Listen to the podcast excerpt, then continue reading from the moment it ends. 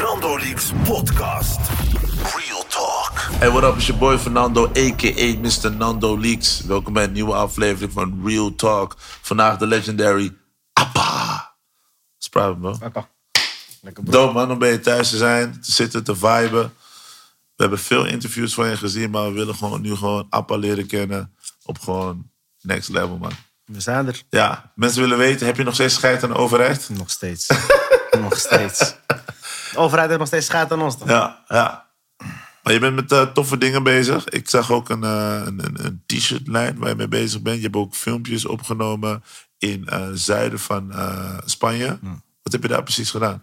Ehm, ja, eigenlijk een soort van roadtrip slash geschiedenisreisje naar eh, Andalusia. Eh, Alhambra, in Granada om exact te zijn. Waarom daar zo? Eh, er ligt heel veel geschiedenis, man. Eh, voor mij als moslim zijnde ligt daar heel veel geschiedenis. De Moren, de moslims, hebben daar 900 jaar, 900 plus jaar geregeerd. Ehm, rioleringen zijn daar bedacht. eh, zoveel ontdekkingen, zoveel uitvindingen zijn daar bedacht door, eh, door moslims. Ehm, terwijl Europa zeg maar, in die periode een soort van zwart gat in de historie had. Dus het was, het was eh, ja, een zwarte bladzijde in de geschiedenis van Europa, terwijl de islam een gouden eeuw eh, doormaakte. Ja. En er zijn twee hele grote contrasten dat zich afspeelden op dit continent waar wij, waar wij leven, zeg maar. En eh, ja, ik vond het wel mooi om daar naartoe te gaan. Man. Alhambra is een van de weinige eh, gebouwen die niet is afgebroken nadat eh, de moslims zeg maar, werden verdreven, de slag hadden verloren na 900 jaar. Ehm, omdat het gebouw gewoon zo bizar is. Het is zo ongelooflijk wat ze daar met die leidingen hebben gedaan. Die Rioleringsleidingen, waterleidingen. En, en moet je beseffen dat het zo lang geleden is. Dat er eh, fonteinen zijn zonder, eh, zonder elektriciteit, zonder niks. Gewoon dat ze een waterpomp hebben gebouwd in die tijd al. Zonder, ja, het is bizar. Het is, het is echt, ja, je, moet, je moet daar naartoe gaan om te beseffen eigenlijk Ja. hoe groot en hoe, hoe, ja, hoe bizar het eigenlijk is. Maar hoe heb je dat zeg maar bedacht in je hoofd van ik wil daar naartoe? Hoe is dat? Heb je het via via gehoord van daar moet je nee, nee, dat verhaal kende ik al, al een tijdje daar niet van. Het is een stukje geschiedenis, maar eh, weet je, iets lezen en daar naartoe gaan, dat zijn toch twee- uiteindelijk twee verschillende dingen. Ja. En eh, ik ben nu meer op, op, op die saus, man. Ik probeer meer te leren over mezelf en daarmee dus ook over mijn roots, over mijn islamitische roots als mijn Marokkaanse roots. En eh, ja, ik ben een beetje meer op dat, man. Eh, Ik was ook naar Turkije gegaan een tijdje terug, was ook eh, prachtig. We gingen eigenlijk eh, voor werk, maar we hebben dan moskeeën bezocht, be- bepaalde historische plekken bezocht. Ik bedoel, ja, toch, Istanbul was vroeger Constantinopel. Dat is ook een, een hele geschiedenis wat daarachter ligt. Ja. En als je dan over die straten heen loopt, je beseft gewoon wat daar vroeger liep. Ja, Duizend jaar geleden of 1400 jaar geleden. Snap je wat ik bedoel? Het is, vet. ja, het is vet, man. Ik ben meer op dat nu, man. Maar, maar het was wel mooi. Zeg maar, merk je dat je, zeg maar, omdat je meer into je geloof bent, dat je jezelf op een andere manier ontdekt of zoiets? Wat, wat, wat, wat, wat doet het met jou? Wat, Het doet me eigenlijk een beetje beseffen, stapje voor stapje, waar ik vroeger heel veel mee gestrokkeld heb. Vroeger ik was, ik groeide boos op. Ik was boos over heel veel dingen. En ik gaf, het meestal, ik gaf meestal de schuld aan toch, de maatschappij. De verharding van de maatschappij. Aan eh, racisme, uitsluiting, al die dingen. Het is niet dat die, dat, dat die punten er niet zijn. Bedoel, echter wordt het niet, maar het lag veel dieper. En ik merkte op een gegeven moment dat, eh, dat ik eh, steeds meer van binnenuit de vraag kreeg: van, maar waar komt het eigenlijk allemaal vandaan? Waar komt die woede vandaan? Waar komt die frustratie vandaan? Het kan niet alleen maar aan het onrecht liggen. Het ligt ook aan een heel grote drang, althans bij mij. Ik weet niet of het voor anderen exact hetzelfde is, maar Ja. bij mij een hele grote drang uiteindelijk om te leren wie ik, wie ik ben en waar ik vandaan kom. En ik merkte dat ik, eh, als ik in gesprek was met mensen die me dan bepaalde vragen gingen stellen over mijn geschiedenis, dat ik, ja, ik wist bijna niet wat ik moest vertellen. En dat heeft er eigenlijk een beetje voor gezorgd dat ik nu in een proces ben terechtgekomen om te gaan zoeken naar mijn geschiedenis. En de islamitische geschiedenis is een hele rijke geschiedenis. Het is echt een hele grote, diepe geschiedenis. En het is prachtig om, om, om die reis nu te beginnen. Maar ik merk dat het voor mij persoonlijk heel veel positiviteit brengt, man. Het, eh, het brengt Ja. veel rust, het brengt eh, alleen maar mooie dingen, man. En stap voor stap. We zitten en we blijven in een proces van verandering, broer. Ik kom van de straat. Ik kom van een, eh, van een plek waar informatie niet echt eh, een, een... Ja, waar kennis, laat ik het zo zeggen, waar kennis niet echt een standaard eh, dingetje was. Dat je kennis ging opzoeken. Je was mee bezig met hosselen elke dag. En Ja. ja, toch, je puntjes pakken. En daar waren we mee bezig. Dus het is een hele grote stap als ik nu terugkijk naar van waar ik was. En waar ik nu ben en waar ik naartoe wil gaan. En het is een, het is een prachtig proces, man. Want er was ook een moment dat je bijvoorbeeld, als je zei Appa, dacht iedereen: oké, deze guy is fighting voor eh, voor eh, voor justice. Eh, hij Ja, gaat ja, tegen ja. alles in. Eh, eh, je werd voor alles en nog wat aangeklaagd, bij wijze van spreken. Je was always, je was heet in het nieuws. En op een gegeven moment was er een, een moment dat het leek alsof je gewoon afstand had, ja, had genomen. Klopt dat? Eh, weggeduwd in het begin, in eerste instantie weggeduwd. En daarna eigenlijk eh, de blessing in die vloek gezien. En, eh, Hoe bedoel je weggeduwd? Zeg maar? Ja, weggeduwd op een gegeven moment. Boycotts en dit en dat. En eh, weet je, dat soort, dat soort ongein op een gegeven moment begonnen te gebeuren. Projecten die werden afgepakt. En omdat ik eh, in die tijd heel erg fel was tegen het regime van Israël. En dat is in een land als Nederland is dat eigenlijk not done. Maar goed, Je merkte de power dus van, zeg maar... van ja, de verborgen krachten Ja. zeg maar, achter die lobby's. Dat ga je dan op een gegeven moment merken. En dan word je weggeduwd en projecten worden afgepakt en dat soort ongein. En eigenlijk eh, merkte ik toen eh, dat het meer een blessing was dan een, eh, dan een vloek, man. En toen heb ik mijn afstand gepakt, ben ik naar Marokko gegaan, heb ik daar een tijdje gezeten. België gezeten voor een eh, half jaar of zo. ja. En ja, stukje bij beetje weer eh, mijn weg teruggevonden, man, eigenlijk. En nu zijn we er gewoon weer. Ja, maar je was een periode klaar met Nederland. Ik weet nog, je, je Ja. belde mij. Zei, Fernando, kom hier naartoe. Ja, We klaar met Nederland, kom nooit meer terug. Ik denk, kill, wat hoezo? Ja, kill, we klaar met Nederland. Hier heb ik alles, en dat. Het man. leek echt alsof je nooit meer terug Ik wou, zou dat moment wou ik ook gewoon niet meer terugkomen. Ik wou gewoon echt niet meer terugkomen. Wat de fuck Nederland, man. Wat moet ik hier nog doen? Die, die komt moeilijk aan het werk. Je, leest alleen maar rotzooi. Je ziet wat in Palestina gebeurt. Ze draaien allemaal de andere kant op. Gap, ik werd helemaal laat, man. En dan vervolgens, degenen die daarover praten... worden ook nog eens op een hele fucked up manier worden ze behandeld... en weggezet en dit en dat en gecriminaliseerd. En op een gegeven moment, pff, het werd te veel. Ja. Toen moest ik weg. Omdat de, het niveau van oneerlijkheid was zo erg. Het was zo hoog dat ik... ehm, ik stond op het punt om te ontploffen. En ik dacht, dit is niet waarom ik ben geboren, man. Dit is niet mijn functie in het leven. Dit is niet waarom ik leef. Dit is niet wat ik wil halen uit mijn leven. Uit het leven überhaupt, je weet toch? Ja. Ik heb rust en ruimte nodig. En vooral ruimte. Ik heb die ruimte nodig om helder te kunnen denken. Ik wil zien wat, wat, wat het grotere plaatje is. Ik wil nadenken voor mezelf. En eh, dat kon hier niet, man. Ik moest weg van hier, omdat... omdat, eh, Je voelde ik, dat je op een gegeven moment op een soort, je ging op een bepaalde pad, wat je dacht van, no man, hier wil ik niet naartoe.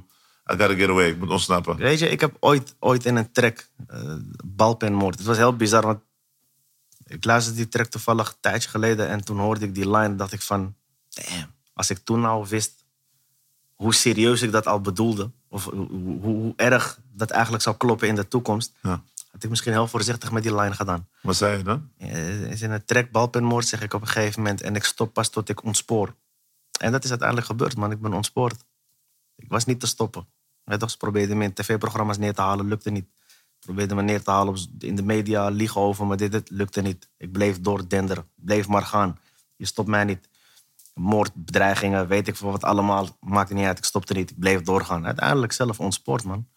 En dan wordt het op een gegeven moment, als je dan zo'n nummer terugluistert, denk je van self-fulfilling prophecy, Ja. als het ware.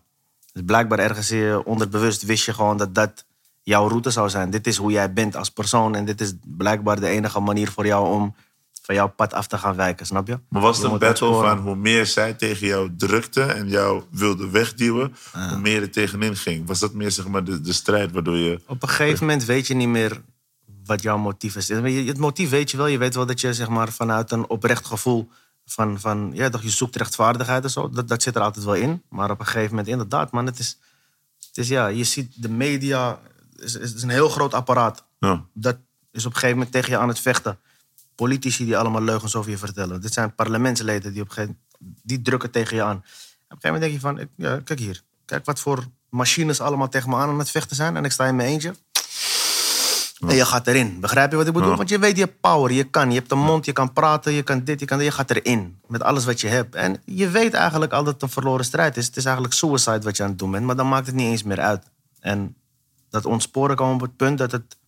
Dat, dat, het motief was geen eens meer belangrijk op een gegeven moment. Het ging meer om die koppigheid van wat, wat denk je? Nou, Je gaat over mij liegen, je denkt ik ga stoppen. Ik ga zeggen sorry. Ik ben niet van, van die categorie die iets gaat roepen en dan achteraf... Ja, hey, sorry man. Als ik echt iets fout heb gezegd, krijg je mijn excuses. Zo'n man ben ik wel. Maar dat ik excuses ga aanbieden of dat ik mijn mond ga houden... zodat ik eh, wellicht weer aan het werk kan gaan of wat dan ook. Nee man.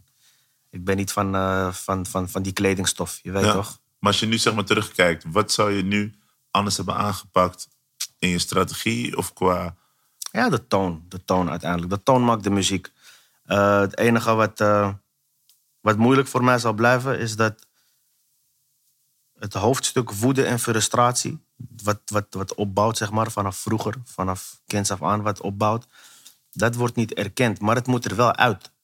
Ja. Snap je? Ik bedoel, het moet er toch... We zijn mens, bro. We zijn geen robots. Het moet er wel uit. En ik denk dat ik mijn ehm, woede en frustratie meer in muziek, of althans in teksten, had moeten, moeten uiten. Dan op een podium waar je 30.000 man voor je neus hebt. Die allemaal naar je luisteren. Daar had ik niet eh, op een hele harde toon moeten praten. Want daar had ik echt een verschil kunnen maken. Snap je? Ja. En als ik er nu terug naar kijk, denk ik van fuck. Als ik op dat moment de juiste mensen om me, om me, om me heen had, de juiste prikkels om me heen had, dan had ik daar een, een verschil kunnen maken. Het is een hele grote kans wat gemist is. En dat zijn van die kleine dingen waar ik spijt van heb. Ja. Weet je? En eh, ja, de toon maakt de muziek, maar ik denk dat het echt ligt aan hoe je iets, hoe je iets vertelt. De inhoud blijft uiteindelijk hetzelfde. Je Dus je- verandert in plaats van debatteren had je meer moeten communiceren. ja, inderdaad, man. Het is, eh, debatteren is, eh, ik zei het laatst ook toevallig in een gesprek met, met Ismail Ilgun. Debatteren is een vriendelijke ruzie. Ja. Weet je, je hebt een vriendelijke ruzie, want jij bent het er niet mee eens. Ja. Ik, ben het, ik ben het niet met jou eens, jij niet met mij. En dan ga je elkaar proberen te overtuigen. Maar jij leert er niks van, ik leer er niks van. Want ik verdedig mijn standpunten, jij de jouwe. Maar jij blijft bij jouw standpunten en ik blijf bij mijn standpunten. Terwijl een gesprek, op het moment dat je een gesprek met iemand hebt, kun je elkaar, je kunt elkaar begrijpen. Ja. Ook al overtuig ik je niet, je zult mij gaan begrijpen. Waarom? Want we zitten niet in een soort van battle. We gaan niet struggelen met elkaar. Het is geen gevecht. Ja. Dus we zijn elkaar aan het uitleggen hoe en wat. We vertellen elkaar iets. Ik had die toon moeten, moeten aanhouden. Maar goed, weet je, ik stond daar als, als rapper, als jongen van de straat. Ik ben geen politicus, geen volksvertegenwoordiger, niks. En ik werd op een gegeven moment door de mensen gewoon in die positie geduwd. Ik heb gewoon gedaan wat ik, eh, wat ik voelde. En Ja. weet je, ik had niet de juiste mensen om me heen. Dat is ook jammer. En daar stond ik heb- dan als Heb eh, je nu wat juiste mensen om je heen die als je weer in zo'n positie zou komen... Ja, dat bro, ik heb, ik, heb, ik heb Allah, je weet toch? Ja. Ik, ben, eh, ik ben meer op mijn geloof gaan richten en eh, dat proces zit ik nu. Ja. Ja, ik heb Allah, man. Ik heb voor de rest niemand nodig. Ik heb een aantal mensen om me heen met wie ik eh, mooie dingen aan het opbouwen ben, maar voor de rest, eh, Ja. ik eh, leg mijn vertrouwen in, eh, in mijn schepper, man. Ja. En dat is ook het beste voor mezelf, merk ik. Daar haal ik mijn kracht uit. Ik, eh, voor mijn gevoel is het me against the world al vanaf kinds af aan. En nog steeds is dat zo, je weet toch? Ja. Dus ehm, ja, je hebt mensen om je heen voor bepaalde punten, eh, voor bepaalde doeleinden. Je hebt mensen om je heen voor eh, misschien geloofskwesties. Je hebt mensen om je heen voor gevoelskwesties. Je hebt, voor alles heb je wel bepaalde mensen waar je een goed gevoel bij hebt en waar je iets moois mee kan doen. Maar voor de rest denk ik dat je solo moet zijn, man. Ja. Althans, ik, ik ben een solo-strijder al mijn hele leven, man. Eenmaal soldaat, je weet toch? Maar mijn shit in mijn eentje. komt er ook een punt, want dat heb ik wel eens, zeg maar. In mijn hoofd ben ik ook soms ook, ja, je bent solo, you gotta go, gotta go. Maar op een gegeven moment heb je wel het gevoel van, oké, maar ik moet ook wel mijn eigen situatie gaan bouwen, gezin en dat soort dingen. Heb je daar wel eens over nagedacht? Jawel, man. Jawel. Ik was verloofd, alles, man. Maar wegens omstandigheden uiteindelijk, ja toch? Ja. Is dat niet doorgaan? Was in die periode ook dat, eh, dat alles misging, zeg maar, qua boycotts en projecten die werden afgepakt. Dit en dat. Ja. was in die periode allemaal. Het viel allemaal, zeg maar, in één keer. Het hele kaartenhuis viel op een gegeven moment in één keer om. En ehm, Dat lijkt me heavy, man. ja, ik stond er niet bij stil, man. Voor mij, je weet toch, je staat op automatische piloot, broer. We zijn survivors. Je weet toch, we overleven Ja. vanaf kinds af aan. Je bent, je bent op die modus. Ja. En voor mij was automatische piloot. Ik begon er pas over na te denken toen ik in Marokko was. In Marokko, asietje roken. Allemaal roken in die tijd, man. Ja. Ergens op, midden op de berg, je weet toch. En dan zit je na te denken over wat er is ge- gebeurd, zeg maar, de afgelopen twee jaar zo. Anderhalf jaar, twee jaar. En dan pas valt het kwartje. En dan krijg je dat gewicht ook echt op je schouders. Van, Ja. damn. Dat nu bijvoorbeeld getrouwd kunnen zijn en bijvoorbeeld... Ik had kinderen kleine kunnen... ja, Gambino's. eh, ja, ja, ja, ja, ja. Dat was uiteindelijk wel altijd een grote droom van mij. En nu is dat, merk ik gewoon dat ik wat kouder ben geworden wat dat betreft. Man. Het hoeft niet meer. Het kan, het mag. Als het voor mij bestemd is, bismillah, je weet toch maar. Ik zie jou wel als een vader. hoe, ik jou, hoe ik jou met jouw broertje zie, hoe ik jou ken. Dat zijn een van de dingen die ik echt... eh, Weet je, ik bedoel, voor de mensen die, die dit gesprek of die vibe nooit gezien hebben van... Ik ken Appa echt way, way, way back. En als ik hem zie, doe je mij denken aan mijn vibe en mijn broertje. Mijn broertje is zeg maar one of my best friends. Als ik jou met je broertje zie, denk ik, ja man, dat is, dat is, ma- dat is magie. Ja. Die man adoreert jou, jij adoreert hem. Ja, tuurlijk, het is, weet je, het is echt een soort vibe. En ik bij mezelf, nu dat We ik... zijn, we zijn samen opgegroeid, maar we moesten vroeger samen, je weet toch, struggelen, begrijp je? Samen Ja. Hij weet en ik weet uiteindelijk hoe wij zijn opgegroeid. Mijn ouders hadden niks. Snap je wat ik bedoel? Sommige Ja. mensen zeggen, ja, we hadden het moeilijk, we hadden het moeilijk, broer. En mijn broertje weet dat. Dus je kan het aan iemand uitleggen die gaat denken, ah, je Nederland, Amsterdam, je overdrijft. Mijn broertje weet. Ja. Ik weet. Je weet toch, wij hadden niks, bro. En we hebben samen tijden meegemaakt dat we, ja toch, pannen, of, eh, deksels van pannen gingen pakken, deden we alsof we een auto reden. Begrijp je? Ik bedoel, zulke, het, gewoon, we kennen elkaar van, van dat, gewoon Ja. kinderen, we waren kinderen. Ja. Dus als je dan samen zeg maar, aan het struggelen bent... en op een gegeven moment sche- scheiden onze wegen... en ik ging hele andere dingen doen. Hij- die man was gewoon op zijn school bezig. Hij was altijd slimmer dan mij, snap je? En ik was op hele andere dingen bezig. Ik was, ik was op straat, ik was al meegenomen door die, door die wind. Ik was Ja. al weg, snap je? Ja.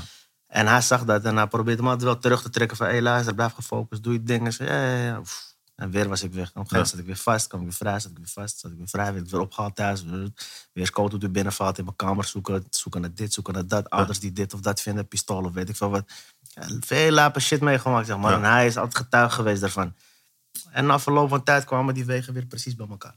Ja. En was hij degene die me uit een giftige situatie had gevist. Ja. Ja. Maar hij, bel, hij houdt je gewoon... Ja, ik kwam, ik kwam op een gegeven moment ik kwam thuis. Ik was eh 21 of zo. En eh, hij zag hoe ik eraan toe was. Je weet toch, ik zat in een fire situatie toen even. Een heel lastig verhaal zat ik toen in. Nou, hij zei de juiste dingen zo. We kregen een ruzie, hij begon me uit te schelden, maar hij zei wel de juiste dingen. Op die manier viste hij me zo uit een giftige oceaan, als het ware. Hij zette me aan het denken. Volgende dag begon ik gelijk weer met bidden, probeerde positief te blijven, dit en dit. Toen begon er al een bepaalde verandering, wat met vallen en opstaan ging natuurlijk. Maar wees je op je Maar- fout of zo? Want, wat zei hij? Waardoor, want je bent best wel koppige guy. Ja, man. Ja. Maar daarom, om, te, om tot jou als, door te dringen. er, als, er, als er iemand is die, die tot me door kan dringen, is het mijn broertje. Wauw. Ja. En dat heeft je leven al geswitcht op dat moment. Maar zo is het altijd met ons geweest, man. Soms heeft hij dat bij mij, soms heb ik dat bij hem. Dus we corrigeren elkaar daar waar het kan. Ja. En soms moet het met de harde hand. Want zo zijn we. Wij zijn opgegroeid met de harde hand. Je Ja. weet toch? In een tijd waarin de harde hand de norm was ook. Begrijp je? Dus zo corrigeren we elkaar als het moet ook af en toe, man. Soms eh, met eh, vechten tot aan toe. Begrijp Ja. je? Maar het blijft je broer of je broertje, snap je? Dus Ja. te veel liefde. Ja. Dus je doet het ook alleen maar uit liefde. Bijzonder. En, zeg maar, en, en je ouders in die periode, hoe reageerden ze dan? Zeg maar, want, je, want je zei net van, werd je opgepakt, was je weer weg, was je weer terug, was je weer... Dat, dat creëert volgens mij ook een hoop stress. Hoe, hoe, We hebben, we hebben daar een eh, gezegde voor. Dat is Allah ismahna al walidin. Mogen Allah ons vergeven voor wat we onze ouders hebben aangedaan. Eh, dat was moeilijk voor ze, man. Ja, toch? Onze ouders eh, zijn hier gekomen met, met een hele andere mindset dan hoe wij zijn opgegroeid hier. Een hele andere mindset. Die, die, die waren niet gericht op zoveel mogelijk geld verdienen of dit of dat. Het was gewoon leven, man. Mijn kind, zorg dat mijn kinderen zeg maar, een goede toekomst hier kunnen opbouwen. Dat was die mindstate van, van onze ouders. ja, Die van ons niet. Die van ons was niet. ik wil eh, opgroeien, een, ze- een zekerheid creëren voor de kinderen die ik ga krijgen. Later zodat zij een goede toekomst krijgen. Terwijl onze ouders hadden dat wel. Dus dat zijn al twee verschillende werelden. En als jij dan vervolgens kinderen krijgt en je merkt dat één van die kinderen exact hetgene gaat doen waar jij hem altijd voor hebt behoed, zeg Ja. maar, en voor hebt gewaarschuwd en waar je bang voor bent, zeg maar, Ja. want je weet hoe het kan aflopen. Aan het einde van de dag, bro, als ik ook nog eens ga, ga, ga kijken naar wat er allemaal is gebeurd, hoe vaak ik al dood had kunnen zijn. Bro, man. Het is, eh, ik, ik kan me niet eens voorstellen dat ik een vader zou zijn en mijn kind zou in dat soort gevaren, zeg maar, zitten. En dan kom ik in een ziekenhuis en denk bij mezelf, als die schroevendraaier twee centimeter naar links was gegaan, dan was je er niet. Je weet toch? Zulke dingen. ja. Dat, eh, ik kan het me moeilijk voorstellen, man. Maar als ik er nu over nadenk, alhamdulillah. Ik, ik heb het geluk dat ik ouder mag, mag worden. Je weet toch, er zijn Ja. veel die, ik- die ik ken, heb gekend die gewoon niet oud zijn geworden. Die, ja, voor hun eh, was het helaas niet bestemd. Maar ben je wel eens bang geweest om, om dood te gaan? Nee, maar ik ben niet bang voor de dood, broer. Totaal niet, man. Je kan me, ik mag morgen doodgaan. Interesseert mij niet. Ik ben bang voor de staat waarin ik sterf. Dat is waar ik bang voor ben. Ik ben niet bang voor de dood, broer. Je mag mij vandaag doodschieten. Don't give a fuck. Hoe doe je heel staat waarin je De stelt? staat waarin ik sterf. Wat voor mens ben ik op het moment dat ik, dat ik wegga. Weet je, en voor mij als gelovig man, of je nou christen bent of moslim of boeddhist of in bakstenen gelooft of whatever. Uiteindelijk, je volgt een bepaald principe, je volgt een bepaald, eh, bepaalde levenslijn, je volgt bepaalde hè, zaken die jou laten nadenken over wat er hierna komt. Ik geloof eh, in hemel en hel. Ik geloof dat er een schepper is. Ik geloof dat er uiteindelijk een eindafrekening zal komen voor alles wat je hier hebt gedaan. Snap Ja. je? Voor mij is dat logisch. Weet je, een Hitler die zoveel shit heeft gedaan bij mensen en zichzelf uiteindelijk kogel in zijn kop schiet, dat er voor hem niks is daar, daarna. I don't believe that. Je weet toch? Ik geloof dat niet. Er moet een balans zijn, zo, zo werkt de wereld. Dus de staat waarin ik sterf is voor mij, wat voor moslim ben ik op het moment dat ik sterf?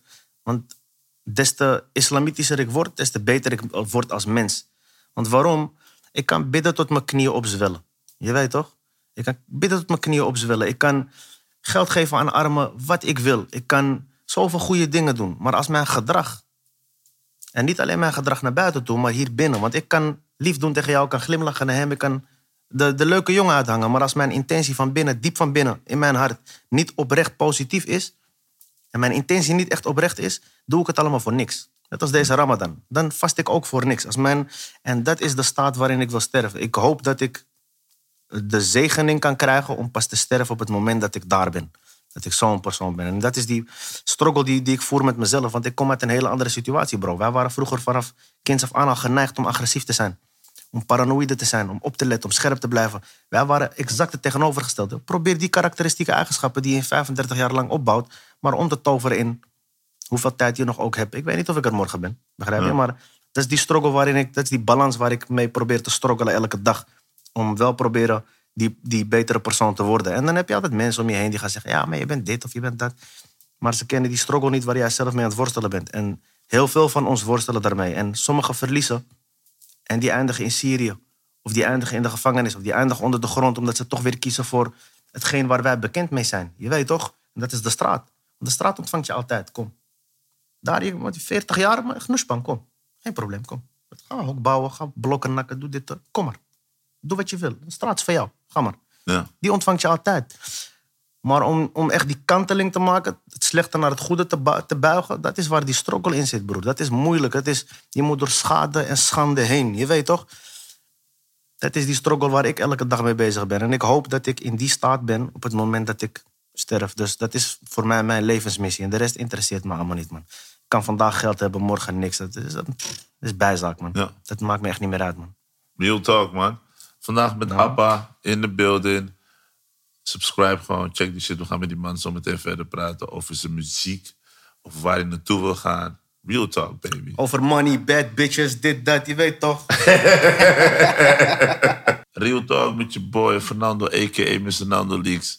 Check die man. Appa. Real talk vandaag met Appa. Appa, we hebben net gesproken over een, een, een, een stuk van je verleden. Vermengd met zeg maar, hoe je zeg maar, dood zou willen gaan. Dat je gewoon als goede mens en je mooie daden hebt verricht. Ehm, maar in je muziek. Want zeg maar natuurlijk, wij kennen je als muzikant. Ja. Ehm, in hoeverre ga je je muziek nu aanpassen aan de staat waarin je nu leeft? Eh, dat is wat ik. eh, weet, weet je wat het is in eerste instantie? Ik snap dat mensen mij zien als muzikant of rapper of wat dan ook. Ehm, logisch, want ik maak muziek, ik rap. Maar dat is uiteindelijk niet hoe ik mezelf zie. Ik ben een schrijver. Ik schrijf. En muziek is gewoon heel laagdrempelig. Je weet, hip-hop is eh, vanaf, vanaf het begin een stem Ja. voor de stemlozen. Ja. Weet je, voor de onderdrukte, et cetera, et cetera. Dus het was voor mij een natuurlijke stap, een logische stap om muziek te gaan maken. Omdat ik daar geen studie voor nodig had en geen... Weet je, je hoeft alleen maar tijd te steken in het creatief omgaan met woorden. En ik vond dat puzzelen vond ik prachtig. Ik hou ervan om mijn mind aan het werk te zetten. Maar uiteindelijk ben ik een schrijver, man. Voor hetzelfde geld breng ik vandaag een track uit en morgen een boek. Ik hou van schrijven. Dat is uiteindelijk mijn passie. Het, eh, het opschrijven van, van, van verhalen, man. Van ervaringen. En dat delen met mensen in de hoop dat ik ze kan prikkelen, inspireren, motiveren om shit te veranderen. Ja, Dus dat is, dat is uiteindelijk wat het is, man. een echte straatfilosoof. Ik eh, hoop het wel. Ja, en, en na het maken van je eerste album heb je natuurlijk wel veel mensen ehm, geprikkeld op een manier van, yo, deze guy is anders. Je hebt altijd, zeg maar, eh, een stempel weten te drukken op die scene. Dat mensen zeiden van, ja, Appa die vertelt het echt. Appa is echt een guy die de wereld ziet op een bepaalde manier en hij vertelt het je. He's always preaching in his own way. He- zie jij muziek ook als een manier om mensen te educaten? Definitely, man. Muziek is uiteindelijk, met name juist hip-hop, met name rap. En daarom do- doet het ook af en toe pijn om te zien welke richting het heeft genomen nu. Maar met name rap is juist bij verre, bij uitstek het, de tool om, om mensen, zeg maar, om jongeren te Ja. bereiken, om ze aan het denken te zetten. Om bepaalde zaadjes te planten in ieder geval. Die anderen later moeten gaan wateren voor, voor ze. Ja. Weet je, maar ja, inderdaad, maar zeker. Ligt zeg maar de. ehm, want iedereen vraagt je van. eh, ja, wat je vindt van de huidige hip-hop situatie. Hoe het is. Ehm, je, je vindt het leuk zeg maar, dat nu mensen ermee geld kunnen verdienen. Maar wat jou zeg maar, eraan stoort. is dat er te weinig inhoud in zit. Dat er te weinig dingen Ja. worden verteld waar de jeugd iets aan heeft. Dat is in principe. Ja, als ik je goed zeg maar. Kijk, weet je, bro. Politici en heel veel mensen gebruiken nu hip-hop of hip-hop artiesten om een message te brengen naar jongeren. Om ze in een bepaalde richting te duwen. Artiesten zijn bezig om een bepaalde levensstijl die ze 9 van de 10 keer niet leven, bij jongeren naar binnen te krijgen. Weet je, om populair te worden. Jongeren imiteren dat. Niet allemaal, maar dit is, dit is basispsychologie, dit is basislogica. Kinderen imiteren wat ze zien. Als ze iemand zien als voorbeeld, gaan ze het imiteren. Wij kennen het van vroeger. Mijn rolmodellen waren boeven vroeger in de buurt. Je weet toch? Je imiteert dat. Je gaat het op een gegeven moment een soort van superheld vinden bijna.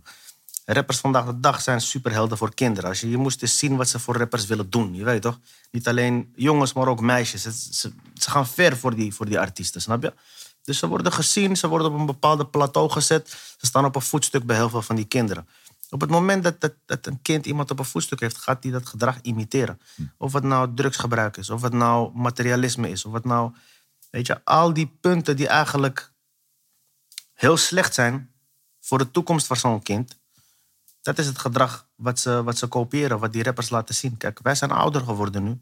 Dus wij zien waar we die fout hebben gemaakt. Ja. Ik snap veel van die rappers zijn nog jong. Die ga- als je ze dan vraagt hoeveel is 1 plus 1, dan krijg je 13 of zo. Ik snap het. Er veel, veel van hun zijn ook niet daar. Maar het is wel aan ons, de oudere generatie, om ze te wijzen van luister, je hoeft niet door die rotzooi heen te gaan. Je hoeft niet die fouten allemaal te maken om achteraf ook dezelfde conclusies te trekken. Maar het is moeilijk om door te dringen waarom het, er wordt nu wel geld verdiend. Ja. Dus mensen kiezen liever voor die money en denken van ja, I don't give a fuck. Wat er met die anderen gebeurt, het is hun zaak. Ja. Laat hun ouders maar op ze letten of wat dan ook. Terwijl de invloed die jij hebt als artiest is veel groter dan de invloed van die ouders.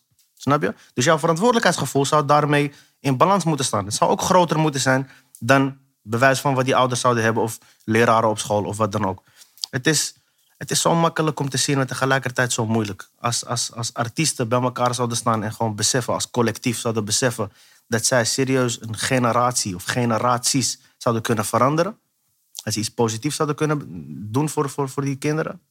Vriend, we zouden zoveel dingen kunnen veranderen naar, naar het goede. We zouden zoveel levens kunnen redden. Als je alleen maar op die manier zou leren filosoferen. Op die manier zou het grotere plaatje kunnen zien. Daar draait het om. Maar was je altijd bewust van de power die je had, zeg maar, met de microfoon en je muziek? Nee, en dat kwam later pas, man. Ik merkte wel dat ik eindelijk... Dat, dit is wel wat ik altijd wou. Ik wou zeg maar altijd aan die andere kant van, van de televisie zitten. Toen ik als jonge gozer nog tv keek, dacht ik van... Wat hij zegt, hij liegt. Klopt niet, hij liegt. Dan zat ik wel eens van die debatten te kijken. Ik vond het altijd interessant vroeger, omdat ik zoiets had van... Jullie liegen over ons. En ik was nog een jong boy, je weet toch? Ja. Ja, Jullie liegen over ons. En ik wou altijd aan de andere kant van die tv zitten om, om zeg maar, met diegene in gesprek te gaan. Van, hé, je liegt, het zit zo en zo en zo. Jij weet niks van ons. Jij, jij, jij woont niet waar wij wonen. Ik heb je nog nooit gezien hier. Dingen zijn toch prachtig een keer. Je bent nooit hier. Ja.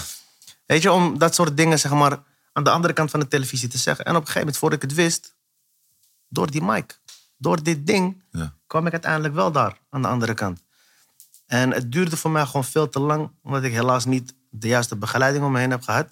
Om dat te beseffen, om te beseffen wat de werkelijke kracht is van die microfoon. Ja. Maar goed, nu weet ik het. We zijn ouder, we zijn wijzer nu. Ja. En we zijn onderweg naar iets moois, inshallah, als God het wil. Ja. En we hebben nog steeds die mic. Begrijp je? Dus Hoe, hoe heeft die Mike jou eh, gevonden? Want zeg maar, je was eerst die guy die naar tv keek en zei... jullie liegen, jullie liegen. Ik Ja. Op welk moment dacht je van... ik pak die microfoon en ik ga zelf het verhaal verkondigen? Althans, mijn verhaal vertellen. Ja, toen rapte ik al. Toen rapte ik al, man. En toen, eh, toen zat ik vast. En eh, ik kreeg op een gegeven moment, ik mocht geen pen. Je weet toch, in die celletje, ik mocht geen pen, dit, dat. Ik mocht alleen een potlood. En ik kreeg een potlood met, eh, met een paar velletjes papier. En ik begon op een gegeven moment te schrijven. Maar je weet toch, je zit in een celletje, je weet, ik weet niet hoe je, je hebt nog nooit vastgezeten. Nee. Is, alleen die muren heb je om je heen. Voor Ja. de rest, je hebt een paar tijd, dode tijdschriften die, waar mensen al op hebben afgetrokken, weet ik wat allemaal. Ja. Die raak je niet eens aan, je weet toch? Ja. Maar je zit daar met je bro- broodje bevroren kaas en je veel te hete thee. En je hebt je potlood en je, en je papiertjes, maar die, eh, schrijf maar. Dus je bent alleen met je gedachten. En toen begonnen er op een gegeven moment teksten uit te komen die ik daarvoor niet echt had geschreven. En het begon te vloeien. En dat is uiteindelijk een track geworden. Die heb ik daar binnen geschreven. Het nummer heet Wat is er aan de hand? Die stond op het album van THC. Artikel 140 stond die. In 2005. Ik had hem volgens mij in 2004 geschreven toen ik vast zat. En in 2005 kwam, kwam het album uit. En toen dat nummer uitkwam... Toen merkte ik op een gegeven moment wat het voor mij had gedaan. Voordat ik besefte wat het met mensen had gedaan. Dus ik merkte wat het met mij had gedaan. Wat er een bepaalde gewicht van mijn schouders was afgevallen. Omdat ik een bepaalde tekst heb geschreven.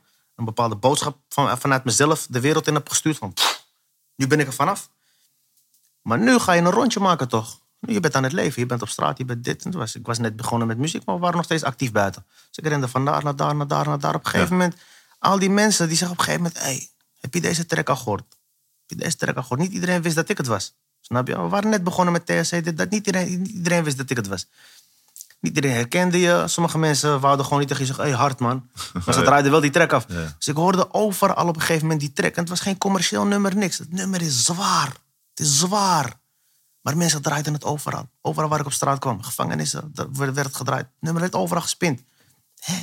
En toen merkte ik op een gegeven moment hoe mensen daarop reageerden. En dat was het moment dat ik die gedachte kreeg van... Oké, Was ook ik kan wat doen met die mic. Ja. Je weet toch, ik kan mijn verhaal blijven vertellen. Eén, er is daar een markt voor. Twee, ik kan van mezelf kan ik gewoon heel veel rotzooi eruit gooien. En drie, blijkbaar hebben mensen precies hetzelfde als mij, hebben ze daaraan. Ze kunnen die rotzooi er ook uitgooien op die manier. Laat, la- la- laat ik verder gaan op deze route. Toen uiteindelijk na een paar dingen ben ik gescheiden met THC, zeg maar. En toen ben ik dat soort muziek gaan maken, dat soort teksten gaan schrijven. Ja, dat vond iedereen echt vervelend toen. Hè? Ik ben altijd de hip-hop scene zei van. Ja. Appa, waarom is hij weg? Hij hoort bij T. Het is net als bijvoorbeeld als je Wu-Tang Clan hebt en met mensen zou bijvoorbeeld weggaan. Hij is weggaan, is Dat, dat, dat, dat voel- voelde raar. Was het ook voor jou Terwijl, zo? terwijl, terwijl als je kijkt, als je nog een stukje terug gaat naar de geschiedenis, NWA en Ice Cube, Ja, is een beetje vergelijkbaar. ja, Niet om mezelf te vergelijken met die mensen, maar het is een beetje vergelijkbaar. Als je luistert dan ook naar de muziek die Ice Cube daarna is gemaakt, de teksten die hij is gaan schrijven, hij was ook meer politiek getint, maatschappijkritisch, et cetera. Hij was zich meer gefocust op die shit. En uiteindelijk was hij ook succesvoller geworden Ja. dan NWA. En zo gaat dat, bro. Mensen kiezen uiteindelijk wel waar hun gevoel meer bij ligt. En maar als je jij... gevoel zei tegen jou, ik wil die kant. Ja, man. Tenminste, het was een, een warrige tijd hoor. Ik wou toen stoppen met muziek ook en dit en dat. En ik heb heel, heel veel shit meegemaakt in die periode ook. Op een gegeven moment werd extremistisch, alles man. Het was echt, het was een warrige, warrige tijd. Ja, man. Maar je hebt vaker een moment gehad dat je wilde stoppen met muziek. Ik weet dat je ook... eh, We hebben soms van die gesprekken. dan, ben je me... Ja, jij we weet het, jij weet ja, het, ja. bro, ik ben klaar met muziek. Bro, waarom? Je moet nog muziek. Je gaat op straat. Ik ben Ja. klaar met muziek. Ja.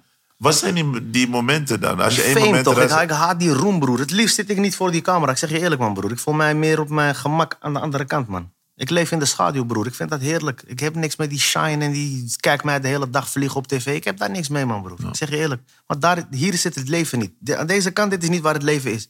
Hier geniet je niet. Begrijp je? Maar ik besef me wat de meerwaarde kan zijn van aan deze kant zitten. Achter deze lens, achter deze lens, achter deze lens. Ik besef me de meerwaarde Ja. daarvan. Want je kunt wat betekenen voor de mensen die wel aan die achterkant zitten. Duidelijk. Snap je? Duidelijk. Dus daarom zit ik hier. Maar liever zit ik aan de andere kant, Ja. bro. Wallah, op mijn vader... Bro, ik zweer het. Op de dag dat ik zie dat er mensen zijn... al is het maar één persoon... die doet wat ik doe... en hopelijk veel beter... want ik, maar ik maak heel veel fouten... maar iemand die doet wat ik doe... en die, eh, er wordt serieus naar diegene geluisterd... bro, mij zie je niet meer terug, man. Je ziet mij niet meer terug. Ik ga leven. Ja. Snap je wat ik bedoel? Dan ga ik, ga ik gewoon lekker genieten van de kleine dingen voor mezelf. Ga ik me nog meer kunnen focussen op... in plaats van elke keer moeten struggelen en shit moeten uitleggen en dit en dat. Dit is geen leven, je weet toch? Ik hou hier niet van. Echte leven is... pff, broer, is veel groter. Maar als, je, maar als je op het podium staat, want er is ook een soort magie wanneer je de microfoon vastpakt en je rapt en je ziet hoe die woorden aankomen bij je publiek en dat ze denken, dat wat jij geschreven hebt, dat het aankomt. Ja, is dat ja. ook niet iets verslavend. Want zeg maar, aan de ene kant is het ook een fijn gevoel. Dat Het wat jij eng, man. geschreven hebt, dat het gewoon echt overkomt. Kun je ons maar- meenemen in die... Maar het is ook eng. Ja? Omdat je beseft dat, dat je gewoon, je hebt macht. Snap je? En op het moment dat jij beseft dat je macht hebt, dat is waar corruptie naar binnen gaat gluipen. Heel stiekem. Je weet toch? Ja. Je kunt verslaafd raken aan dat gevoel, waardoor je dat constant wil hebben. Heb je dat wel eens gehad? Je kunt misbruik maken daarvan. Ik heb dat vroeger, heb ik dat, eh, zonder dat ik erover nadacht, man. Ja, tuurlijk, man. Je hebt, op een gegeven moment, je bent jong. Je begint net bekend te worden. Chickies, dit, dat, zo, zo. Ga, het wordt gewoon op je gegooid. Je weet toch? Oké. kom maar. Weet je? Je weet niet, bro. Ja, Je weet niet beter. ja. Je weet toch? Dus je bent een jager. Waar heb je vooral als man zijn en als je van de straat komt, je bent, een, je bent een hunter. Je bent constant aan het jagen naar vlees. Je wilt eten. Begrijp je wat ik bedoel? Ja. Je hebt honger. Ja. 24-7. Je, hebt- je, je, je- bro, je, je weet wat ik bedoel. Ja. En op een gegeven moment, je bent king of the jungle, broer. Je loopt jouw territorium op. Shit ligt voor jou gewoon op tafel. Gewoon hier, eet wat jij wil. Welke smaak wil je hebben? Ja. Begrijp je, wat wil jij eten? Eet maar, kies. Ja. Je hoeft niet meer te jagen. Je wordt lui. Je raakt gewend aan dat. Ja. Nu op een gegeven moment voel je de koning van de jungle en dat is wat je wil. Het is een gevaarlijke positie om in te zitten. En dat heel veel artiesten zitten in die positie. Alleen, wat ik je zeg, als je jong bent heb je het niet door. Je Ja. komt er later pas achter. Ik zie het ook nu pas in, je weet toch? Ja. Dus eh, die magie is voor mij... eh, die magie is voor mij meer als ik op een podium sta om een verhaal te vertellen. Ja. Dat is waar voor mij die magie in zit. Maar dat rappen zeg maar, voor een publiek en dat ze met me meedoen... die magie is voor mij nu verdwenen, man. Dat is, die macht wil ik liever ook niet meer hebben. Ik vind het prachtig om te staan op een podium en ik vertel een verhaal. En ik kan mensen daarmee inspireren, ik kan ze meenemen. Maar zou je niet Dat liever seminars geven in plaats van muziek maken dan? Ja, zeker man. Dat zou ik zeker graag willen doen. Man. Eh, theater lijkt me ook heel mooi om, Ja. om, om te doen. Je weet toch, films maken lijkt me heel tof om te doen. Het schrijven van films. Ja. De echte verhalen, want ik zie te veel verhalen die gewoon niet kloppen. Het zijn ook gewoon niet onze mensen die onze verhalen vertellen, maar andere mensen die onze verhalen vertellen. wat voor verhaal zou jij willen vertellen dan? echte verhalen, bro. De echte, echte verhalen. Gewoon authentiek, 100% authentieke verhalen. En het is misschien eng voor heel veel filmproducenten, omdat ze bij zichzelf denken: ja, maar is te veel agressie of te veel dit. Nee, maar dat is, niet precies. Mag, dat, mag even dat wat voorbeeld ik dan? Zeg maar, stel een film over Amsterdam-Oost of weet ik veel welke Hmm. plek in Nederland. Wat- Wat, wat zou je dan willen zien wat nu niet... Er zijn zoveel verhalen, bro. Echt. Goede tijden, slechte tijden, de serie. Kan ik voor jou hier in Amsterdam-Noord kan ik je, kan ik je die serie laten maken. Snap je? In een Marokkaans gezin. Er zijn... Mensen denken automatisch als het verhalen zijn van ons, dan gaat het over de straat. Of nee, maar het gaat over liefde. Het gaat over gebroken gezinnen. Dit gaat... Je kunt... Psh, We hebben zoveel verhalen, broer. Ja. En niet alleen Marokkanen, Surinamers, idem dito. Als mensen aan Surinamers denken, hebben ze gelijk weer die stereotyperen, stereotyperende beelden in hun hoofd. Nou, bro, hoeveel gebroken gezinnen heb je bij Surinaamse gezinnen? Hoeveel? Hoeveel verhalen zijn dat? Hoeveel kinderen zijn vanuit daar opgegroeid op een bepaalde manier? Kijk, er zijn zoveel verhalen die je kunt vertellen. Liefde. Vriend, de grootste van de grootste rattenplan op straat is wel een keer verliefd geweest. Ja. Begrijp je wat ik bedoel? Ja, ja. Of heeft een bepaalde liefde in zijn leven. Of het nou liefde voor geld is, voor een vrouw, voor zijn moeder of wat dan ook. Er zijn zoveel verhalen die... Ja. Bro, je wil niet weten hoeveel filmproducenten hun verhalen uiteindelijk van de straat halen. Snap je wat ik bedoel? Maar, ze, maar, maar, maar dat, kijk, ik, de, de reden waarom ik doe wat ik doe, is omdat ik vind dat elk verhaal verteld moet worden. Ja. Weet je, ik, ik vind zeg maar dat er heel veel dingen zijn die niet verteld worden. Als je tv aanzet, dan heb je mensen die jou een verhaal willen vertellen. Maar die is, ook, die is ook gefilterd en geprocessed. Ja. Ik wil bijvoorbeeld iemand zoals jij. eh, Rauw. Gewoon rauw. Ja, vertel het echte verhaal. Vertel het echt. Wie- Precies. weet je toch? Wie ben Precies, je? precies. Weet toch? Why do you do what you do? Waarom? Weet je toch? Wat is die... En wat ik bij jou ook interessant vind, is dat je dus... Wat, dat, dat, dat, dat, dat, dat proces van niet rappen, wel rappen. En toen was je op een gegeven moment in Marokko. Toen je met DJ Hamida Ja. een track opgenomen. Echt een huge ass artist. Hoe kwam dat opeens? Want dat was weer een soort terugkeer in de music. Toen ging ik hem draaien op de radio in Nederland. ik woonde toen in Brussel. Ja, was ik weer in Brussel beland. Zat ik, Ja. weer in, ik woonde, daarvoor woonde ik in Antwerpen. Toen belandde ik opeens in Brussel. Leefde ik daar in Molenbeek gewoon tussen de Ja. dieren daar. En ja, maar wat ik je zeg, maar zo leef ik, broer. Ik ben, ik ben overal wel een beetje geweest, man. Maar is het omdat je op zoek was naar een soort thuisbasis of zo? Ik was zwevende, man. Wat ik je zeg, ik wou gewoon weg uit Nederland. Ja. Dat was dat moment. Ik wou weg uit Nederland. En ik ben toen ook gewoon weggegaan. Ik ben naar Antwerpen gegaan. Had Daar, had daar gewoond een paar maanden. Uiteindelijk naar Brussel gegaan. In Molenbeek gezeten. En dat was in die periode dat die aanslag daar was. In. Op het vliegveld. Het was, Ja. Ik zat toevallig met ook zo'n Marokkaans artiest. Tiw Tiw. Zat ik in de studio. Een Ja. dag na, na die aanslag. En eh, ik weet niet, man. Ik, ik, ik, ik, had die, ik had toen al een paar tracks gemaakt in die studio, zeg maar. eh, bij andere gasten die vaste producers zijn voor, eh, voor DJ Hamida. Ja. Ik had al een aantal nummers daar gemaakt en hij kwam langs en hij hoorde, hij hoorde een van die tracks. En hij vroeg of hij het op het album mocht, mocht zetten, dit en dat. Hebben we erover gebabbeld, afspraken gemaakt erover. En eh dacht ik, ja, met die top, let's go man. Let's go. Ja, videootje geknald in Marokko. Toen was ik in Marokko aangekomen, dacht ik van nou, eigenlijk wil ik niet eens meer terug. Uh, ik terug naar eh, België gegaan, spullen gepakt, weer terug naar Marokko gegaan. En daar eigenlijk gewoon gebleven. En toen was ook een periode dat je Ja. ook een eigen zaak had. Je had een soort... Ik, op een gegeven moment had ik je, ik had je een jaar niet Ja, meer gesproken. Een restaurant. Wat- ja, het was een restaurant. Ja. Huh? Appa heeft een restaurant. Wat was die toen? Want op een gegeven moment had je gewoon een eigen soort lobster. Wat kreeg Red je Lobster, ja dat deed ik samen met de mattie van me. we Deden gewoon, eh, ik had een concept in mijn hoofd. Hij geloofde erin. En eh, we zijn ermee gaan rennen, man. Toen, wat is daarmee gebeurd? Hoe ging dat? Ja, toen op een gegeven moment, eh allemaal onzin, jongen. Er werden allemaal dingen over mij geschreven toen in de media. Het was toen voordat ik dus vertrok naar België en Marokko. Oké. Het was de periode daarvoor. Ja. We begonnen ze allemaal dingen over mij te schrijven. En wat ik, wat ik je zeg, ik begon zoveel te verliezen. Ja. Dat ik op een gegeven moment gewoon, ik moest die L pakken, je weet toch? Ja. Oké, die krachten zijn, die machten en die krachten zijn te groot. Er zijn politici die letterlijk op Twitter tweeten van... deze jongen zou geen gesubsidieerde podium meer moeten krijgen. En diezelfde middag word ik gebeld door de, door de productieleidster van, eh, van het Tropenmuseum van Siso, Marokko. Van ja, sorry man, eh, ik was een van die hoofdpersonages. Van ja, sorry man, stekker is eruit getrokken voor jou. Eh, Snap je wat ik bedoel? Ja. Dat zijn van die, dat zijn van die momenten. En toen begon het allemaal te vallen, man. Ik had met Stadsdeel Bosselommer had ik een heel tof project die ik zou doen met een groep onbereikbare jongeren. Politie had geen grip op ze. Welzijn had geen, geen grip op ze. Ik had daar contact mee. We zouden een korte film gaan maken. Ik zou ze meenemen in een proces van zelf leren filmen, zelf leren schrijven, zelf re- leren regisseren, geluid doen, licht doen. Ze zouden zeg maar leren hoe ze dat moeten doen om vervolgens als eindproduct zelf die film te gaan maken. Zelf te schrijven, zelf te schieten, zelf te monteren. Samen met die professionals dan uit, uit het veld zelf. Ja. Maar dat ze zeg maar, een nieuwe wereld leren kennen van... Hey, je kunt jouw verhalen zelf gaan maken nu. Dus een bredere kijk op de maatschappij geven. Dat is een heel, heel positief, een heel mooi project. En ook nog eens voor een hele kwetsbare doelgroep... waar niemand grip op heeft. Dus iedereen wint hierbij. Stek het eruit. Waarom? Je krijgt een label antisemiet. Waarom? Nou ja, maar die bent kritisch op Israël. Heb ik iets gezegd wat antisemitisch is? Nee, maar dat doet er allemaal niet meer toe. Als er 90 dingen over jou worden geschreven... gaan mensen het zien als een feit. Ja. En het zijn gerenommeerde kranten. Een Telegraaf, en dit, en dat, en zus, en zo. Snap je wat ik bedoel? En zo werkt het, man. Dat is media, je weet toch? En je kan daar gewoon niet tegen opboksen. Je kan op één reageren, je kan op twee, drie mensen reageren. Maar dan houdt het op, dan is de koek op. En dan moet je je verlies gewoon accepteren, snap je? Ja.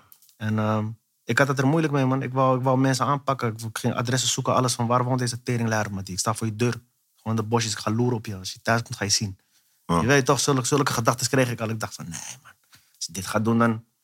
Nou, dan, dan, Snap je wat ik maar dat, ja, maar man. dat maakte me niet meer uit, bro. Ja. Ik, wou, ik wou op een gegeven moment, ik wou gewoon naar binnen. Ik dacht, breng mij naar binnen, maar voor iets goeds. Begrijp je wat ik bedoel? Ik was al daar, bro. Het kookte zo erg. Maar alhamdulillah, man. Echt waar, alhamdulillah. Was je toen gebeld door Ben, je ben brada? weggegaan, man. Nee, ik was gewoon Oh. weggegaan, Oh. man. Mijn ouders wisten het niet eens, man. Ik ben gewoon weggegaan. Op een gegeven moment ik zei, ik ben in België, man. Zo. Ja. Ik was gewoon weg. Ik moest weg, broer. Je weet toch? Alles achtergelaten, kleding achtergelaten. Ik moest gewoon weg. Ik ben gewoon weggaan. Ja. Oh, materie interesseert mij niet, je weet toch? Kleding interesseert mij niet. Ik draag dit shirt eh, vijf jaar als het kan. I don't give a fuck anymore. Vroeger waren we zo. Nu, ik heb die ziekte heb ik niet meer, alhamdulillah. Je weet toch? Ik moest gewoon weg. Ik ben weggegaan. En ehm, als ik er nu op terugkijk, man, broer, ik zeg je eerlijk. Ik ben blij dat ik het heb meegemaakt, man. ja. Ja. Beter persoon geworden. Ja, niet alleen dat. Je, je gaf het toen straks al aan. Ik ben een koppig mens. Ja. En bij mij moeten dingen gewoon erin geslagen worden, snap je? Ja. Dat is het met mij, man. Dus ik denk dat mijn ei niet zal breken als ik, als ik niet die klap had gekregen. En aan de andere kant, als ik er nu op terugkijk, kan ik er wel om lachen, man. Ik ben niet... Ik heb niet verloren, ik ben niet gebroken door eh, de muziek of door rap of door rappers of door dit of dat. Bro, ik ben gebroken uiteindelijk. Ik heb gevochten met een systeem waar iedereen voor wegloopt. Van een Ali B tot een weet ik veel wie. Die, die lopen weg voor dat systeem, voor, voor die krachten. Ik ben er frontaal op ingegaan, broer. En ik zou het zo nog een keer doen. Alleen op een andere manier. Maar ik zou er zo weer ingaan. Ja. Snap je? Met waarom? Rechtvaardigheid ligt daar. En als ik daarvoor moet sterven, met alle liefde, broer. Ja. Maakt me niet uit. Ja? Ik zou er zo in gaan als zou ik weten dat daar een zekere dood is. Je m'en fous, zoals de Je, m'en fous. Ja, maar schijnt een overheid 2.0, die zal komen, die gaat komen. Ja, ik weet alleen niet in welke vorm. Wordt het een boek? Wordt het eh, een liedje? I don't know. Oké. Hm. Maar er moet sowieso iets komen. Alleen, het is wel een struggle, want... Ik heb Schaat 2.0. Wat verwacht je als ik, als ik tegen je zeg, ik ga maken? Eerlijk, wat Ik verwacht je? verwacht dat je Sjaak gaat bellen. Snap je? Je verwacht niet die... Ah. ik denk, is wel probeer daar juist iedereen vanaf te komen, ja, ja, ja, ja. Ja, maar, Maar ik ben benieuwd. Ik ben als, benieuwd. ik, als ik morgen wel weer die gedachte heb, Ja. broer, ik volg gevoel, dan maak ik zoiets. Ja. Ik ben benieuwd wat mensen willen. Als je ook een scheid, eh, ik heb scheid 2.0 wil hebben. Reageer hieronder. Let know what's cracking. Je checkt Real Talk. Nando Leaks met de one and only Appa. We gaan zo meteen praten over eh, bijzondere voorwerpen. Foto's. Heeft hij bijzondere voorwerpen? Dingen waar hij bij stilstaat. Real Talk met Appa. Money and bitches, je weet zelf. Grey Goose, bottles, popping, alles. Huh? It's your boy Fernando, a.k.a. Mr. Nando Leaks. Real Talk met Appa. Appa dropt real jewels, echte verhalen. Ja, maar ik ben ook altijd benieuwd naar ehm, ja, bijzondere voorwerpen. Je zei zelf dat je niks eh, echt hebt met voorwerpen. Nee. Waarom? Ik heb niks meer aan, aan, aan materie, materialen. Ja. niks. Ik, eh, ik ben meer eh, iemand die verhalen en, eh, en foto's, herinneringen, dat is meer mijn ding. Ja. Die, die bewaar ik, herinneringen. Je hebt me een paar foto's gestuurd. Een van die foto's is deze. Met zeg maar... eh, ja, leg een beetje uit. Dus we hebben allemaal De guldens, man, de guldens. Je ziet het, man. De vuurtoren, 25 gulden. 100 gulden, tientje, 50, 1000 gulden. Maar die kom op nou, man. Dit Waarom waren deze toch- foto? Het Waarom? waren toch brieven, man, dit. Ja. Dit, is, eh, dit doet mij denken aan dingen, man. Aan een, aan een hele mooie tijd. Eh, persoonlijk als gewoon maatschappij. Het was, het was een mooie tijd in Nederland. Het was een mooie tijd in mijn leven. Eh, ik was nog jong, ik was nog kind. Eh, je kon leuke dingen doen. Eh, op een gegeven moment, wanneer je weet toch, op straat... was makkelijk te verdienen op een gegeven moment. Ja. Die guldens, die waren simpel. Mooie tijd, man. We leerden het leven een beetje kennen. We kwamen op een gegeven moment voor het eerst in andere steden. Ja, man. Dit, als, ik, als ik die foto's zie van die guldens, moet ik altijd, word ik teruggetransporteerd naar een, eh, naar een hele mooie tijd, man. De gulden tijd was prachtig, man. Want hoe, geef eens een voorbeeld. Een, een- je hebt waarschijnlijk honderdduizenden voorbeelden Ja. hoe je aan de guldens kwam. Maar kun je één voorbeeld geven hoe jij aan die gulden kwam? Ik ga de, de, de, de, de minst kwalijke dingen ga ik... eh, Als je kijkt naar die 100 gulden. Ja. Als ik deze zie, Ja. Dan heb ik één verhaal wat er altijd uitspringt. Ik heb, ik heb echt veel verhalen van die 100 gulden, maar eentje springt er bovenuit. Omdat ik, moet er gewoon om lachen. Terwijl het, is- het, is, het is fout, je weet toch, maar ik moet er altijd om lachen. Ik denk niet dat ze naar dit soort dingen kijkt. Maar mocht je kijken, Esther, sorry. Dat is een, eh, is een meisje dat vroeger bij mij in de klas zat. Eh, ze, hadden een, ze, hadden een verjaardagsfeestje. En dat is echt van die tatas, tatas, je weet toch. Die gingen nooit om met bu- buitenlanders, niks. Die Hollanders, je weet toch. Rijke vader, rijke moeder. Wonen in een vet huis, dit, dat. In Ozaan. Je weet toch, doekoe. Hun tuin was gewoon boerderij, je weet toch. Bizar. Groot grond, groot grondbezitters, geld, dit, dat. Eigen bedrijven. En wij werden uitgenodigd op een gegeven moment als klas. Op dat verjaardagsfeestje bij hun thuis. Ja. Ik sta alleen met mokroes en niggers in de klas, je weet toch? Ja. Kom zo bij die Osso. Ik zie vet huis, mooi spullen, dit, dat. Ik was, zo oud was ik, man. Ik was 13 of zo, 14 jaar, bro. Maar echt een rat. Ik zat echt in die periode toen. En iedereen was aan het chillen, spelen, rennen, voetballen in de tuin, dit, dat. Op een gegeven moment gingen we eten, taartjes eten. Die gaat naar de wc, die gaat zijn handen wassen, dit, dit. En op een gegeven moment glijp ik in één keer naar boven. Was ik boven. Ging ik jagen, zo die kamers. kwam ik in één keer in haar kamer terecht. Zag ik zo'n spaarpot. Oh, kill. Ik zag zo'n sp- spaarpot. Dus ik bos hem. Ik zie zo allemaal los geld en ik zie dat briefje van 100 gulden. Had ik hem gepakt. Was ik loser gegaan. Was je niet bang dat je gepakt werd of zo? Nee, uiteindelijk. Dus ik ga naar beneden. Ik ga mijn handen wassen in de wc. Ik doe die voordeur open. Ik verstop me in die voortuin. Precies waar we die fiets hadden neergezet. Verstop me daar. Begraaf me een klein beetje. Ga weer terug naar binnen. Handen weer gewassen. Ga in de tuin chill weer de hele tijd. Toen we weggingen. Zij ging schreeuwen. Ah, mijn spaarpot is kapot. Dit, dat, zo, zo. Iedereen werd gefouilleerd. Dit, dat. Niks aan de hand. Niks gevonden. Loezo gegaan. En toen later op de avond teruggefietst naar daar. Die barkietje gepakt ben ik loezo gegaan. Maar jij wist al zeg maar, dat ze gingen fouilleren. Dus jij had al de inzicht van... Ik was een rat als hij 13, 14 jaar. Maar die nakte brommers in die tijd. Alles, man. Zo! Ja, mocht Allah mij vergeven, man. Domme, domme jongens. Maar ja, man. Ja. Dus dat is die 100 euro story. Gulden, ja. Maar 100 gulden, wauw. En je hebt nog een foto, deze, met een, een oudere vrouw. Ja, man. Als ik jou de vraag stel, wat zie jij als je deze foto ziet? Dat is het Ja. eerste waar je aan denkt. Ja, Wat ik zie gewoon strijd met, met zeg maar, de, de, de, de last van de wereld op haar rug. Exact, man. Exact. Dit doet mij denken aan mijn oma, doet me denken aan mijn moeder, die al die last hebben gedragen. En nooit eigenlijk de erkenning, de echte erkenning, de volwaardige erkenning hebben gekregen van, van hun kinderen en van hun kleinkinderen. Omdat we het maar als eh, vanzelfsprekend zagen. Dus als ik die foto zie, die moet ik ook altijd standaard op wat voor telefoon ik dan ook haal. Dit is ook een van de foto's die ik altijd gewoon op die telefoon wil hebben, zodat ik constant word eh, herinnerd aan. eh, geef de juiste mensen hun, hun waarde. Snap je wat ik bedoel? Ja. Geef ze hun erkenning, geef ze hun waarde. Don't take them for granted, je weet toch? Heb je dat, dat, dat, doen we, dat doen we vaak, man. heb ik wel sorry tegen je moeder gezegd? Ja, zeker, man. Zeker. Vroeger eh, nooit, die neemt het voor lief. Maar Ja. nu, zeker, man. En wat zegt ze dan? Wat zei ze dan tegen jou? Of? Ja, je, mo- je moeder is je moeder, bro. Die Ja. zal je vergeven voor alles. Je weet toch, maar het is gewoon anders. Vroeger, toen je sorry zei, zei, je het heel oppervlakkig. Ja, sorry, sorry, ik had niet zo moeten schreeuwen, ik had niet dit moeten zeggen of dat moeten zeggen. Nu, als je sorry zegt, je zegt het vanuit een diepte. Er zit heel veel achter nu. Je beseft wat de waarde is van de moeder. Snap je? Ja. Paradijs ligt onder de voeten van de moeder. Je beseft wat voor waarde zij heeft in je leven. Je gaat ze alleen maar meer waarderen des te ouder je wordt. En ehm, ja, het is, het is anders nu. Wanneer, wanneer ze dan tegen je zegt, me, je weet toch, Ja. ik vergeef jou, Allah jou vergeven. Dat, eh, ook dat komt veel zwaarder binnen. Het is een veel beter gevoel wat je eraan overhoudt.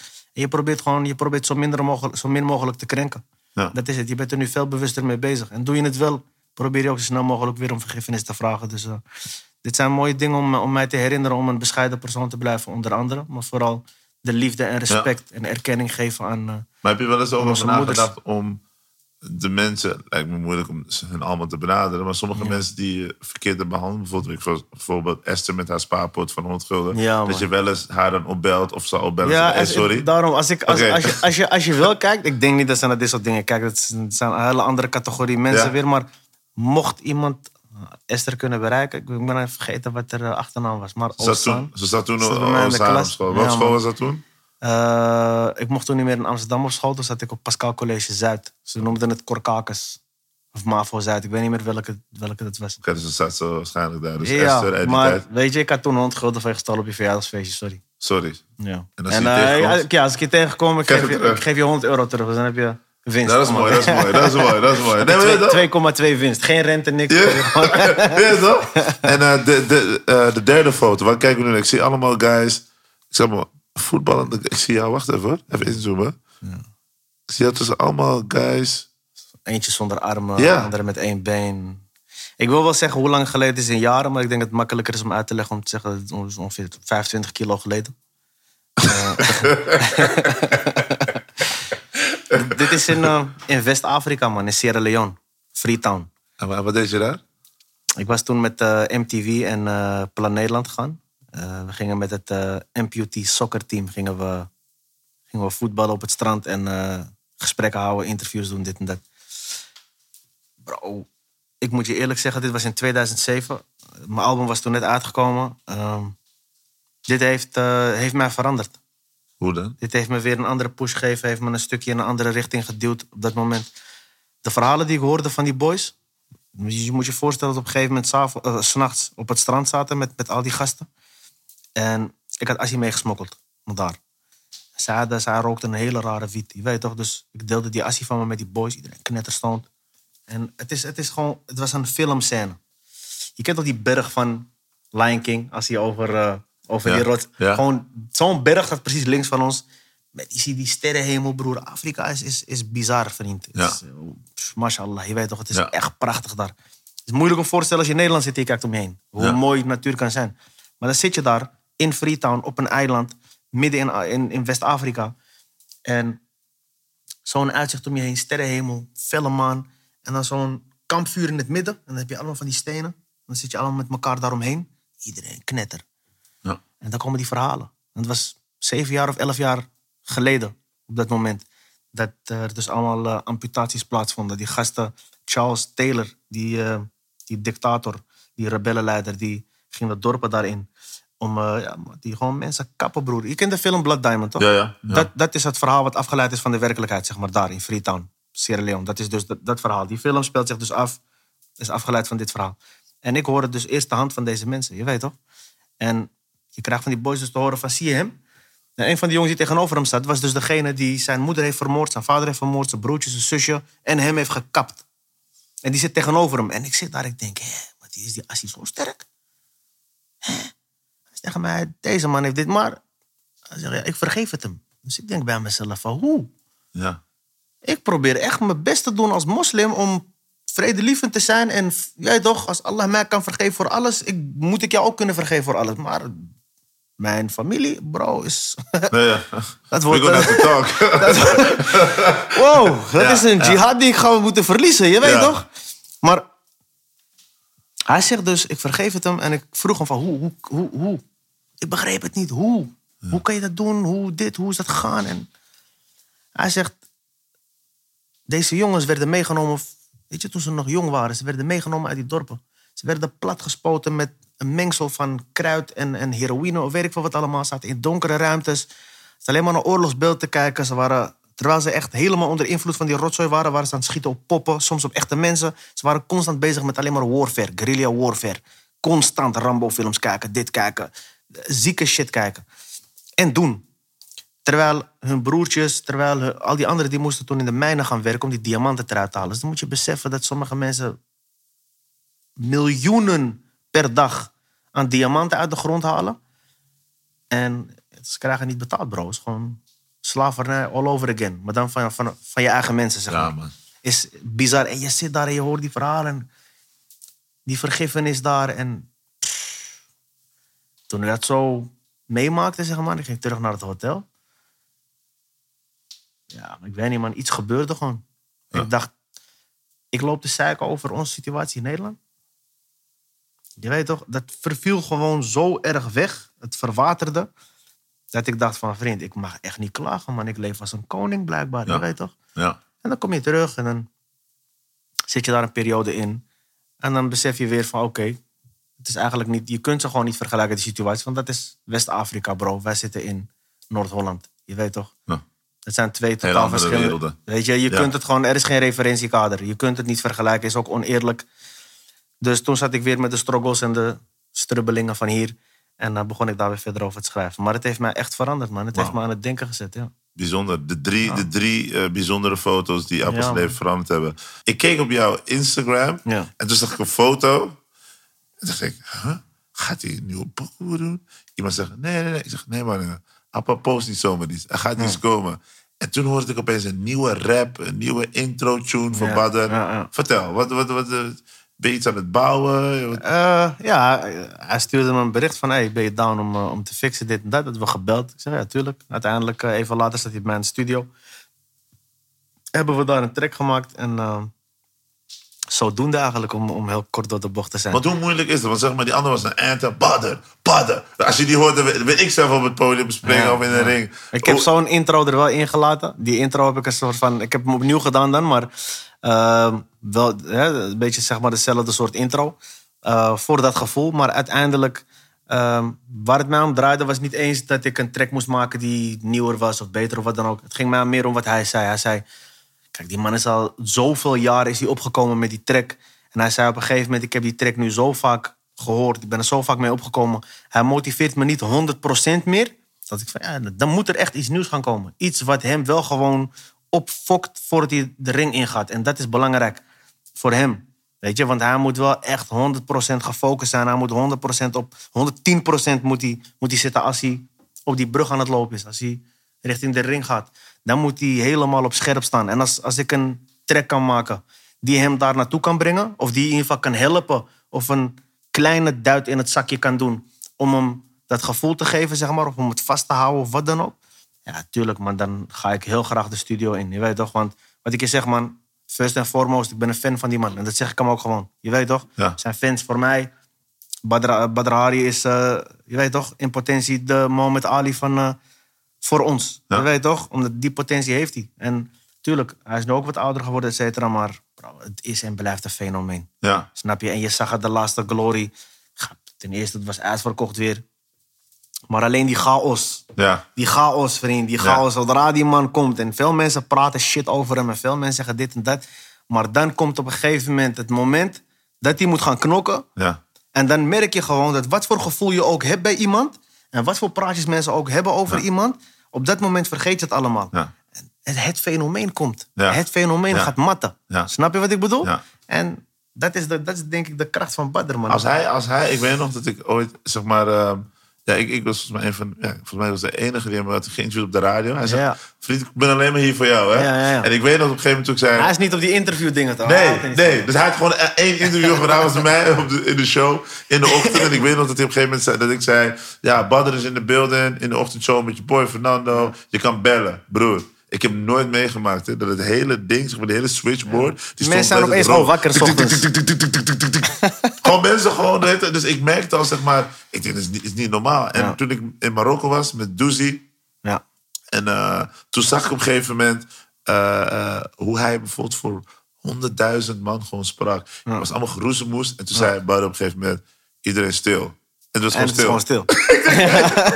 en dacht ik? En ik vond het mooi om te zien. Want zeg maar, ik, ik, Ik zie ook gewoon zo'n Ipman scène. Als ze niet stil willen zijn, springt die publiek erop. Dus dan zie je alleen maar mensen omhoog vliegen. Ja, bij hem weet je maar, ik ben stil. Als Badr in de bioscoop tegen je zegt, kun je stil zijn? Ja, maar kom maar. Maar waarom ik van hem hou, hij is ook een echte warme dude. En heel veel mensen weten het bijvoorbeeld niet van Ja. hem. Dus ik, ik hoop hem inshallah gewoon in Marokko een keer eh, ook ter real talk in zo'n interview.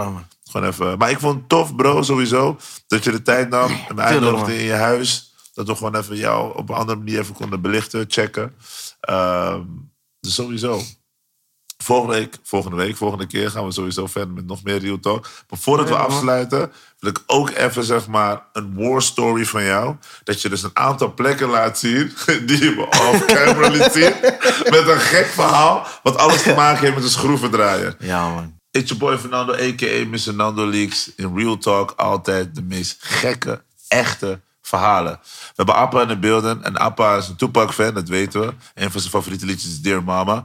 Ehm, maar Tupac heeft ook een tune heet War Stories. maar ook Appa heeft War Stories. Appa, het heeft iets te maken met een schroevendraaier.